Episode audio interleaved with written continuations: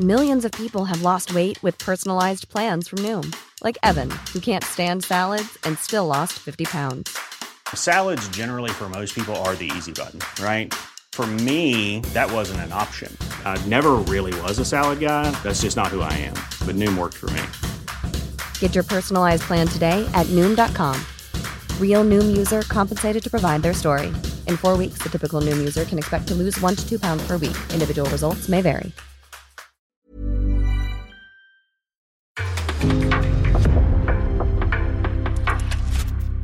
En podcast från Aftonbladet. Jag är en charterrotta. Jag älskar charter. Jag älskar all inclusive där barnen kan gå och hämta pommes frites från ett lågt stånd. Jag älskar att bada i pool och dricka frozen strawberry margarita. Men eftersom jag känner stark flygskam och eftersom det kostar 70 000 kronor bara att gå utanför dörren med fem barn så har jag inte varit utomlands på sex år. Kommer jag aldrig mer landa på Aeropuerto Las Palmas och äta nötter på balkongen i solnedgången. Hur ersätter vi chartern? Jag heter Malin Wollin. Jag är journalist och författare, bor i Kalmar och har fem barn. I den här poddserien Malin blir en bättre människa så bjuder jag in gäster som ska berätta för mig och för er hur vi förhåller oss till klimathotet och blir bättre människor. I det här avsnittet ska jag prata med Ola Hansén, senior rådgivare för hållbar energi och klimat på Världsnaturfonden, om hur man reser klimatsmart och hur man reser kort, men härligt.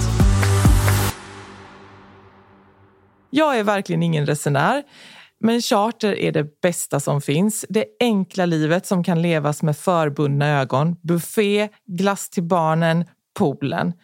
Hur behöver turismen i Sverige utvecklas för att fler ska välja att stanna i landet? Vad mer kan göras för att känna att ett resmål verkligen är som utomlands? Hur kan vi skapa charter i Sverige? Det är en jättebra fråga. Och man måste kanske nästan gå till botten med vad varje människas, varje individs längtan är. Vad är det man vill uppnå? Vilka saker är det man vill, vill ha egentligen av den här semestern?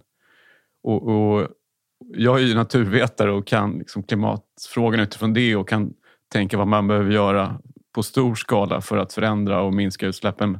Men här behöver man ju hjälp av andra människor också. Alltså psykologer, kanske socionomer som, som förstår folks livsval och drivkrafter. Så att jag tänker att det är kanske ett första steg att se vad är det och då kan det se olika ut tror jag. Eh, det du vill ha kanske inte, kanske finns många andra som inte vill ha. Det, att de åker utomlands är av andra skäl. Eh, så att jag, jag tänker att kanske egentligen hitta vad är det folk verkligen söker. Och då är det ju kanske att uppleva andra kulturer. Det är lite svårare kanske i Sverige men jag tror inom Sverige finns det ju väldigt många olika kulturer också. Vi kanske inte behöver åka utomlands för att träffa andra kulturer. Vi behöver ju inte det heller. Andra miljöer, miljöombyte, ja det är ju någonting som och då behöver man kanske skapa något lite mer speciellt. Och vi har ju skapat, alltså, inom länder finns det ju väldigt många olika miljöer också. Man kanske kan skapa spännande miljöer här också. Sen det här med all inclusive, det är ju inte så svårt egentligen. Det svåra kanske är att få det att bli riktigt eh, miljövänligt. Man behöver ju tänka till kring det. Tittar man på en, en charterresa så är det ju flygresan som är det stora. Men sen är det också väldigt stor skillnad på hur man bor. Och de här kanske större faciliteterna, större hotellen med pooler och bufféer med, med kanske mycket mat som slängs och så där, har ju en, en större miljöpåverkan än kanske ett enklare boende. Nu ska jag inte dra, det låter inte som din preferens här, men ett tält. för att dra till extremen. Ja. Eh, så, så, så där man lagar precis det man behöver så har du ju betydligt lägre miljöpåverkan. Jag säger inte att, att det är det du ska välja men det här kan man också tänka på. Så gör man en sån anläggning i Sverige med all inclusive, det går ju. Men då måste man ju tänka på alla de här parametrarna också. Hur får vi ner energiförbrukningen? Hur skapar vi mm. en hållbar mat här kring det? Men jag tror ju att det skulle ju gå, men hur man då får dig att åka dit istället. Då måste man ju gå till dina inre önskningar och, och liksom, vad är det du vill komma åt? Och hur skulle det bli tillräckligt attraktivt för att du skulle välja det? Ja, men för mig eh, så eh, är det just bekvämligheten ju. Att komma ifrån disk, städ, plock, vad ska vi laga för mat och allt det här.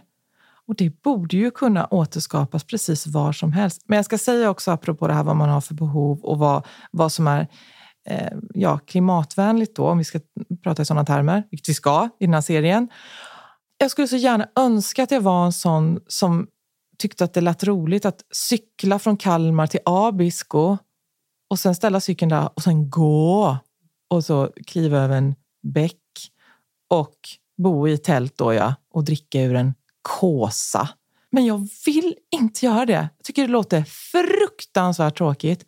Jag vill liksom bara vara charterytlig, fast på ett hållbart sätt. Men då tror jag att den, jag tror att vi ser lite av den utvecklingen nu på till exempel en del skidorter i Sverige. Hur hållbart det är hela vägen eller inte, men det är betydligt hållbarare än att åka längre bort i alla fall. Där man då bokar in sig på ett hotell där det finns pool eh, på kvällen och aktiviteter för barnen och det är, det är buffé och det är så att säga, hel, hel pension och där man just åker lite skidor på dagen och sen kan barnen när de har tröttnat i backen leka i, de här miljöerna. Och det, då kostar det kanske mer men då får man ju de här bekvämligheterna. Och nu ska vi inte, nu handlar det inte om mig här idag men jag menar jag tycker ju det här med gamla klassiska fjällpensionat tycker jag med helpension är också eller halvpension, man får ju ett lunchpaket då med sig om man ska åka ut och åka på tur. Liksom. Nu Jaha. låter jag som en lite tvärtom där som du inte är. Men, ja, men, det, men det, för mig är det, jag håller med det här med att inte ha vardagen, inte behöva ta, varken tänka på frukost eller middag. Det är en otrolig lyx att kunna ha det. Men, men i, det som är i Sverige är väl det att för många kostar det betydligt mer i Sverige än så länge. Så det är också kanske en kostnadsfråga här för en hel del av befolkningen i alla fall, eh, som man måste ta in. Att det fortfarande är billigare i andra länder. Eh, så kommer det inte alltid vara, men, men eh, så är det i alla fall nu. Ja, men, ja, för jag tänkte faktiskt ta upp det, just att det är så otroligt dyrt att semestra i Sverige. Och jag tycker ofta att man hamnar i ett resonemang om hur långt i världen hade man kommit på den här pengen? Um, som till exempel eh, när jag åker tåg till Stockholm och så tänker jag att jag hade kunnat flyga till en huvudstad. Alltså i ett an, en, en huvudstad i ett annat land. Då. Um, vilket, uh, vilket kanske är korkat, för det hör ju inte hit vad man hade fått för samma peng. För då kan man ju jämföra med en massa olika saker. Uh, men med det sagt då, kan man tänka sig konceptet lägga mer pengar på boende för att kompensera upp för den lyx det är att komma bort? Är du med på vad jag menar då? Mm. För att um, vi, vi i vår familj har eh, semestrat ganska mycket i Sverige och då så eh, en sommar så var, hyrde vi en sån här campingstuga. Vi var fem personer och det kanske var plats för en person i den stugan eh, på norra Öland. Och, det var, då, och då kändes det ju liksom, med brist på bättre, det kändes påvert. Ja, jag förstår. Och sen en sommar så hyrde vi en villa i Visby en vecka och, och, priset blev ju därefter. Men hade en helt fantastisk semester trots då att det var i Sverige. Mm. Och förmodligen var de ju då kanske lika miljövänliga om man säger så också eftersom ni, ni hyrde befintliga hus.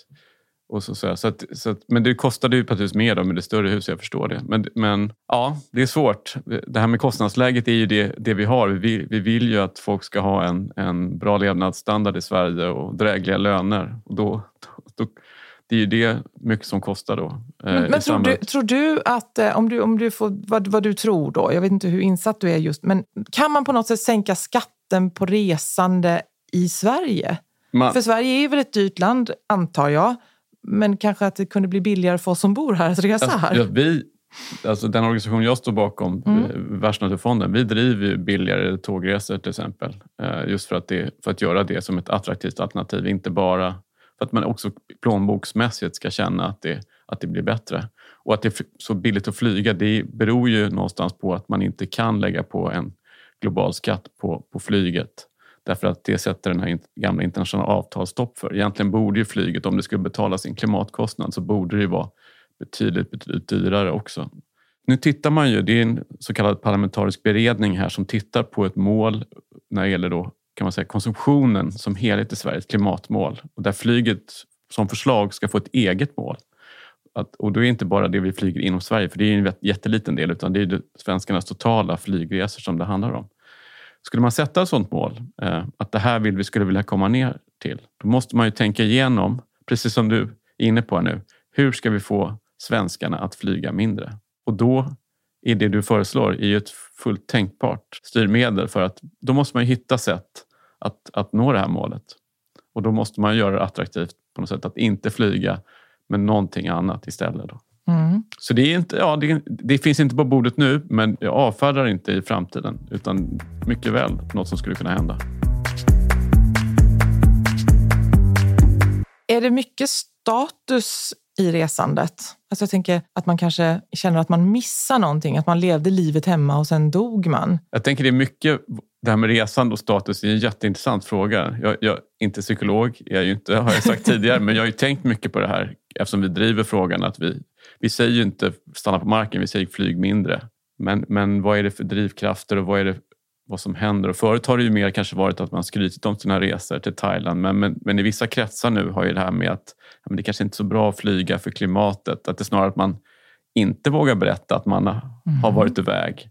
Och, Det säger någonting om vad är det för status. Och det kanske nu i vissa kretsar är det då coolare som du säger att ta cykeln, cyklat runt Hjälman än att åka till Thailand. Och då får man status av. Så just vad, vad är status beror ju väldigt mycket på var värderingarna ligger och vad man själv tycker är härligt kanske också. En kombination av det här. Så jag tänker att säga vad som är status eller inte, det förändras ju med tiden. Men också naturligtvis vad som man, faktiskt, har man cyklat runt Hjälman 15 gånger kanske det inte händer så mycket nytt. Det kan göra det för vissa men kanske för några andra inte. Så det är ju den inre delen.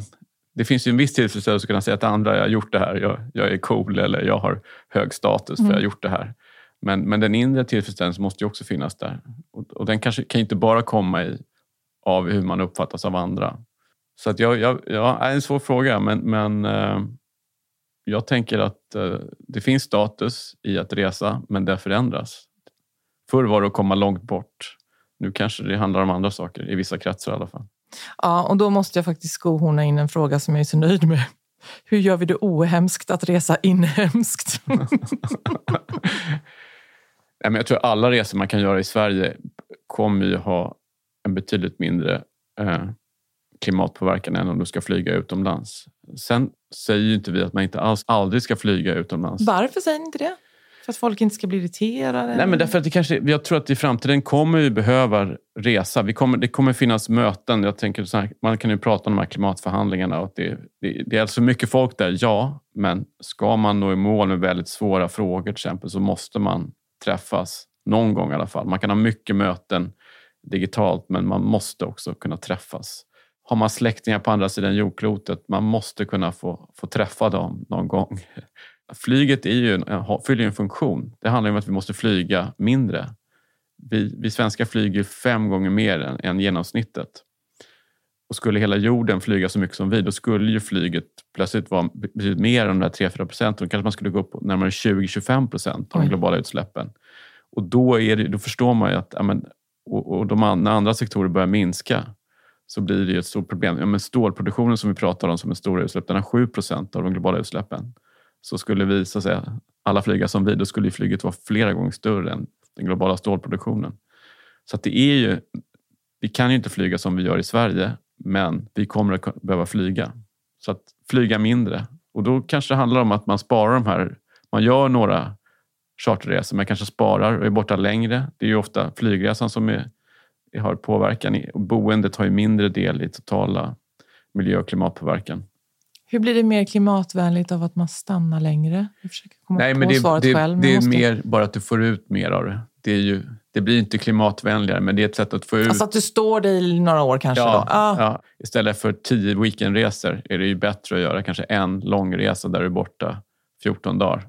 Också ur ett miljöperspektiv. Och kanske de kan ge samma tillfredsställelse egentligen. Eh, det är väl mer, mer så att om du ens ska vara borta, passa på att vara borta längre och få mer upplevelser. Egentligen. Just det. Kan vilken plats som helst i Sverige bli en härlig semester? Jag tror det, men det beror liksom på vem man är. Kanske inte för dig då, om jag hör, hör dina preferenser. Jag tror att man kan hitta, beroende på, alltså, eftersom smaken är olika. Ja, men om det finns en pool i Knäckebrödhult då åker jag jättegärna dit. Ja, Ja, ja men jag, jag tror det. Och det, det kan man, nu, om man tittar på många mindre kommuner har ju svårt att liksom bygga den här typen av faciliteter kanske bara med kommunpengar. Så att skulle de kunna få mer turism så skulle de kunna bygga mer roliga såna här faciliteter om det är pool och, och bad och sådana saker.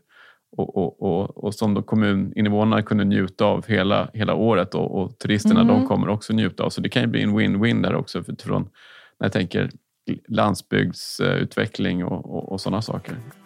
Så att jag, tror, jag tror det. Vår familj har inte rest utomlands på sex år. Ring diplomfabriken. Eh, generationen före min hade aldrig varit utomlands. Generationen innan det hade inte råd med skor. Så detta att det skulle vara någon slags uppoffring att inte flyga är ju ganska löjeväckande. Men när man har smakat på det goda livet så är det ju svårt att gå tillbaka. Så, och det här har vi pratat ganska mycket om nu. Men jag skulle vilja veta, för det var lite så vi hittade dig ju. Vilka är dina bästa tips på härliga klimatvänliga resmål? Och nu pratar vi alltså Sverige eller utanför Sverige. Det finns ju väldigt mycket fin natur i Sverige och håller man sig i, i att säga, Norden och ja, man, har man tid så kan man ju resa hela vägen ner till södra Europa med, med tåg också. Och eh, Det kan vara, kännas långt när jag har gjort det, men det kan också vara väldigt trevligt. Eh, och reser man norrut så är det ju nästan lika långt att åka till, till Narvik. Man, om man åker, jämför med det eh, söderut så, så kommer man ganska långt också. Så att, eh, det är ju en grundidé att kunna komma bort, se mycket saker, men hålla sig i Europa egentligen, eller närområdet. Och jag tänker också att ett sätt är ju kanske börja läsa på. Det beror på vad man, om man är natur. Det är ju vi, vi, många av våra tips är ju naturbaserade eftersom vi Jag ska bara- säga, jag har ingenting emot naturen. Nej. Den får ju absolut finnas. eh, vi på Världsnaturfonden, det är, det är ju vårt eh, kärnområde kan man säga. Men det finns, jag tänker om man läser på mycket saker så finns det ju jättespännande svensk historia till exempel, både nutid och, och, och dåtid. Och, så det, jag tror om man vet, om man, om man då är intresserad och, och, och vet mer om en plats så blir den ju mer spännande. Det, det, det blir mer än bara vad man ser. Man ser liksom bakåt i tiden, man kan fantisera och man kan bygga ut lite grann som Nej, men nu, nu börjar, låter jag som en gammal gubbe här, men släktforskning är ju lite så att det, det finns ju på ett sätt ingenting där, men man skapar sig en spänning och vad hände där och vad hände sen och varför blev det så? Så att jag tror det kan vara en grund att också ska, skapa den här känslan att man är med om någonting eh, fantastiskt i Knäckebrohult eller vad vi nu, vad vi nu har för ställe vi, vi pratar om. Eh, så att, men vi har ju tips på, liksom, på, på vår webb med såna här smultronställen i Sverige. Ah, Så här fina eh, naturområden i, var, i varje län. Då. Men det, och det är inte bara vi, utan det finns ju olika typer av kartor med, med naturreservat och, och smult, liksom, den typen av promenader och vandringsstigar eh, som Na- Naturvårdsverket och andra länsstyrelser har om man gillar natur. Sen eh, finns det ju de här också Facebook-forumen, till exempel tågsemester.nu tror jag de, de heter, som är Yes. liksom, där de tipsar varandra. Det har ju varit svårt att boka en biljett, man får lappa och laga och få ihop de här resorna. Men där man också tipsar om jätte utöver bara tågresorna tipsar om jättespännande resmål. Hur tar man sig dit och vad är ett bra ställe att bo? Sen det här eh, tänker jag också att eh, liksom, hur man nu semestrar, att det här med att byta hus med varandra finns ju flera organisationer där man då kan också, som ett sätt att ytterligare spä på spänningen liksom, i det här att man får träda in i en annan familjs liv. Det, det kanske inte, det, det kan ju också, preferensen kan vara olika där, men det kan ju vara ganska spännande. Ha så här, då, här har de Men vardagen. gud, jag vill ju knappt vara i min egen familj. att. Nej, men det är kanske att, att eh, en vecka eller två veckor i ett, ett hus i Frankrike och se hur en fransk familj har det liksom, ute på landet, vad de lever för liv. Och semester och göra alltså, allt övrigt men ändå också skriva ner, stiga ner i det kan ju vara jättespännande. Jag har hört om, jag har inte själv prövat det här med folk som byter nycklar någonstans mitt ute i Europa med varandra. Eh, efter att ha kommit överens då, så spenderar man eh, semestern i, i, i varandras hus till exempel. Mm. Man ska ju, apropå resa i Sverige så ska man ju heller inte underskatta den oerhört självgoda känslan som uppstår när man åker runt med sina barn i Sverige för att i någon mån ge dem en allmänbildning. Eh, sen vet jag inte hur mycket som stannar kvar. De minns väl kanske mest att de sög på en sån här polkagrisstång eh, i Gränna. Men eh, tågcharter då, hur stort kan det bli tror du? Konstigt ställd fråga, men vad tror du om tågchartens tågcharterns potential? Ja, men jag tror kanske att den, alltså lite av det som, alltså pandemin har ju varit hemsk på alla sätt, men en del som har kommit här nu är ju kanske vårt förändrade sätt att arbeta. Just det här att man, tågresan med tågcharter så tar ju resan längre tid. Så är det ju. Så, och då, man vill ju inte, om man har en vecka vill man ju inte kapa den. Det känner man ju själv. Man vill ju vara på plats också så länge som möjligt. Men kanske kan det här med att man då kan jobba på vägen, på tåget Ah. och vägen hem då. Om man inte vill hänga med kompisarna och, och i restaurangvagnen eller spela kort eller något annat. Så, och, utan jobba på den tiden, utan jobba sig fram till resmålet. Ja, så när man kliver av i Hamburg då, så då stänger man datorn och sen nu Ja. började semestern. Ja, Ja. och så jobbar man hela, hela vägen. Gud, smart. Så det, och då tror jag att då kan ju potentialen plötsligt öka. Att den här res... Om, man då, om det blir liksom ett dygnsresande, kanske, om man åker hela vägen till södra, blir det, södra Europa blir det lite mer, men då blir det en natt. Om man sov, då sov, ska man ju ändå sova och inte jobba. Men, men om man jobbar på dagarna där så kan man ju då... Det går inte för alla om man är snickare eller den... Ja, alla har inte sådana jobb, men de som ändå har den typen av jobb som kan skötas via en dator och, och på distans, då, de har ju då ändå större möjligheter då att kunna resa charter utan att behöva offra semesterdagar på det här sättet. Det finns ju en hel del som har den typen av jobb eftersom Mm. det känns som att väldigt många i Sverige jobbar på Facebook. Om du förstår vad jag menar. Ja, jag fattar. Mm. Det kan inte ersätta allt, men det kan ersätta, en del. Och, och som sagt, jag, säger inte att charter ska bort. Det, det, Nej, det vågar du inte nu. nej, nej, men jag, jag, alltså inte flygcharter heller, men, men vår uppmaning till folk är ju att, att resa mindre. Och kanske, och, och kanske lägga varannan resa då med tåg till att börja med och sen för att just testa det och få ner sitt totala fotavtryck. Vi går inte, vi går inte till den här 90-procentiga minskningen på en gång, men vi rör, kan röra oss dit. Det gäller att skapa den riktningen och skapa förutsättningar för det. Men eh, nu kanske jag missförstod, men sa du att du hade åkt tågcharter? Eller har du åkt tåg ner i Ja, södra jag har Europa? åkt tåg till eh, Bryssel Ja, eh, och jobb, när jag jobbar. Att, ah, okej. Så du har inte där. åkt till Frankrike och gjort lavendel och sådana saker? Nej. men nu ska jag åka tåg faktiskt här, till, åka skidor i Österrike. Mm. Så jag får testa på det. Då. Men jag har ju pratat med många som, som eh, har gjort det här. Så att, eh, men jag har själv faktiskt inte erfarenhet av att åka tåg charter på det sättet. Vilket är det första resmålet du bokar när det finns fossilfritt flyg? Ja, jag bokar nog en resa någonstans till någon av Afrikas nationalparker. Vilken då? Eh, Serengeti. Alltså typiskt att välja den märkesparken. Ja. Jag har faktiskt varit Masai Mara. Ja, ja Masai Mara, det spelar ingen roll. Nej, men jag, tänker, jag, jag lyfter det här av en anledning egentligen. Jag tycker att det, det är väl också ett exempel på de resorna som man... Om man ska nu flyga så är det väl utmärkt att göra de resorna. För här, de här nationalparkerna lever ju... Här skyddas ju faktiskt naturen på grund av turisterna. Det är ju ganska förhållandevis höga avgifter för att få de här guidningarna i de här parkerna och få tillträde. Och det bygger ju på att turisterna faktiskt finansierar skyddet av naturen. Om de här inkomsterna inte kom till lokalbefolkningen här och de som sköter parken så skulle ju de här områdena inte finnas. De skulle sälja lejonsvansar och sånt Ja. istället. Mm. Så att här är ju turismen en jätteviktig del. Dels för människors uppehälle men också för bevarandet av de här fantastiska miljöerna. Så, så då, och- men de, kost, de här resorna kostar ju lite mer också då, jämfört med en charter. Men de menar jag, där gör man ju faktiskt en väldigt stor insats eh, om man åker på dem för man, och betalar de här avgifterna. Man är med och betalar för, för eh, ja, bevarande av våra mest värdefulla naturområden i världen.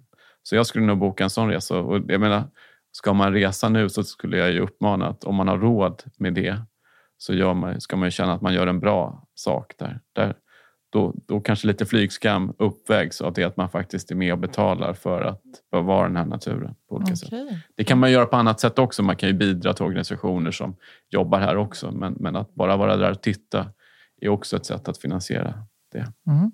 Vad tar du med dig av vårt samtal här idag? Jag tar med mig att det här är en jättespännande och rolig fråga som spänner liksom från flygteknik till dina mest psykologiska, personliga, inre liksom drivkrafter och, och, och vad man som människa behöver. Så det är ett otroligt liksom komplext och, och spännande område att veta hur ska vi, hur ska vi bli nöjda semesterfirare i, i framtiden med, men med minskad klimat och miljöpåverkan. Mm. Jag tar med mig att se resandet som en gåva. Att inte se det som en eh, sträcka där, där det är en massa dödtid som slösas bort. Och att arbeta hela vägen fram till eh, Hamburg till exempel. Mm. Tusen tack för att du kom hit idag. Tack.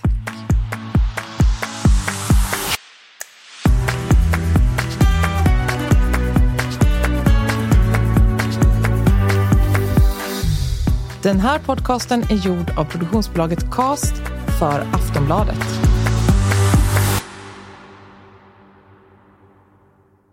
Du har lyssnat på en podcast från Aftonbladet.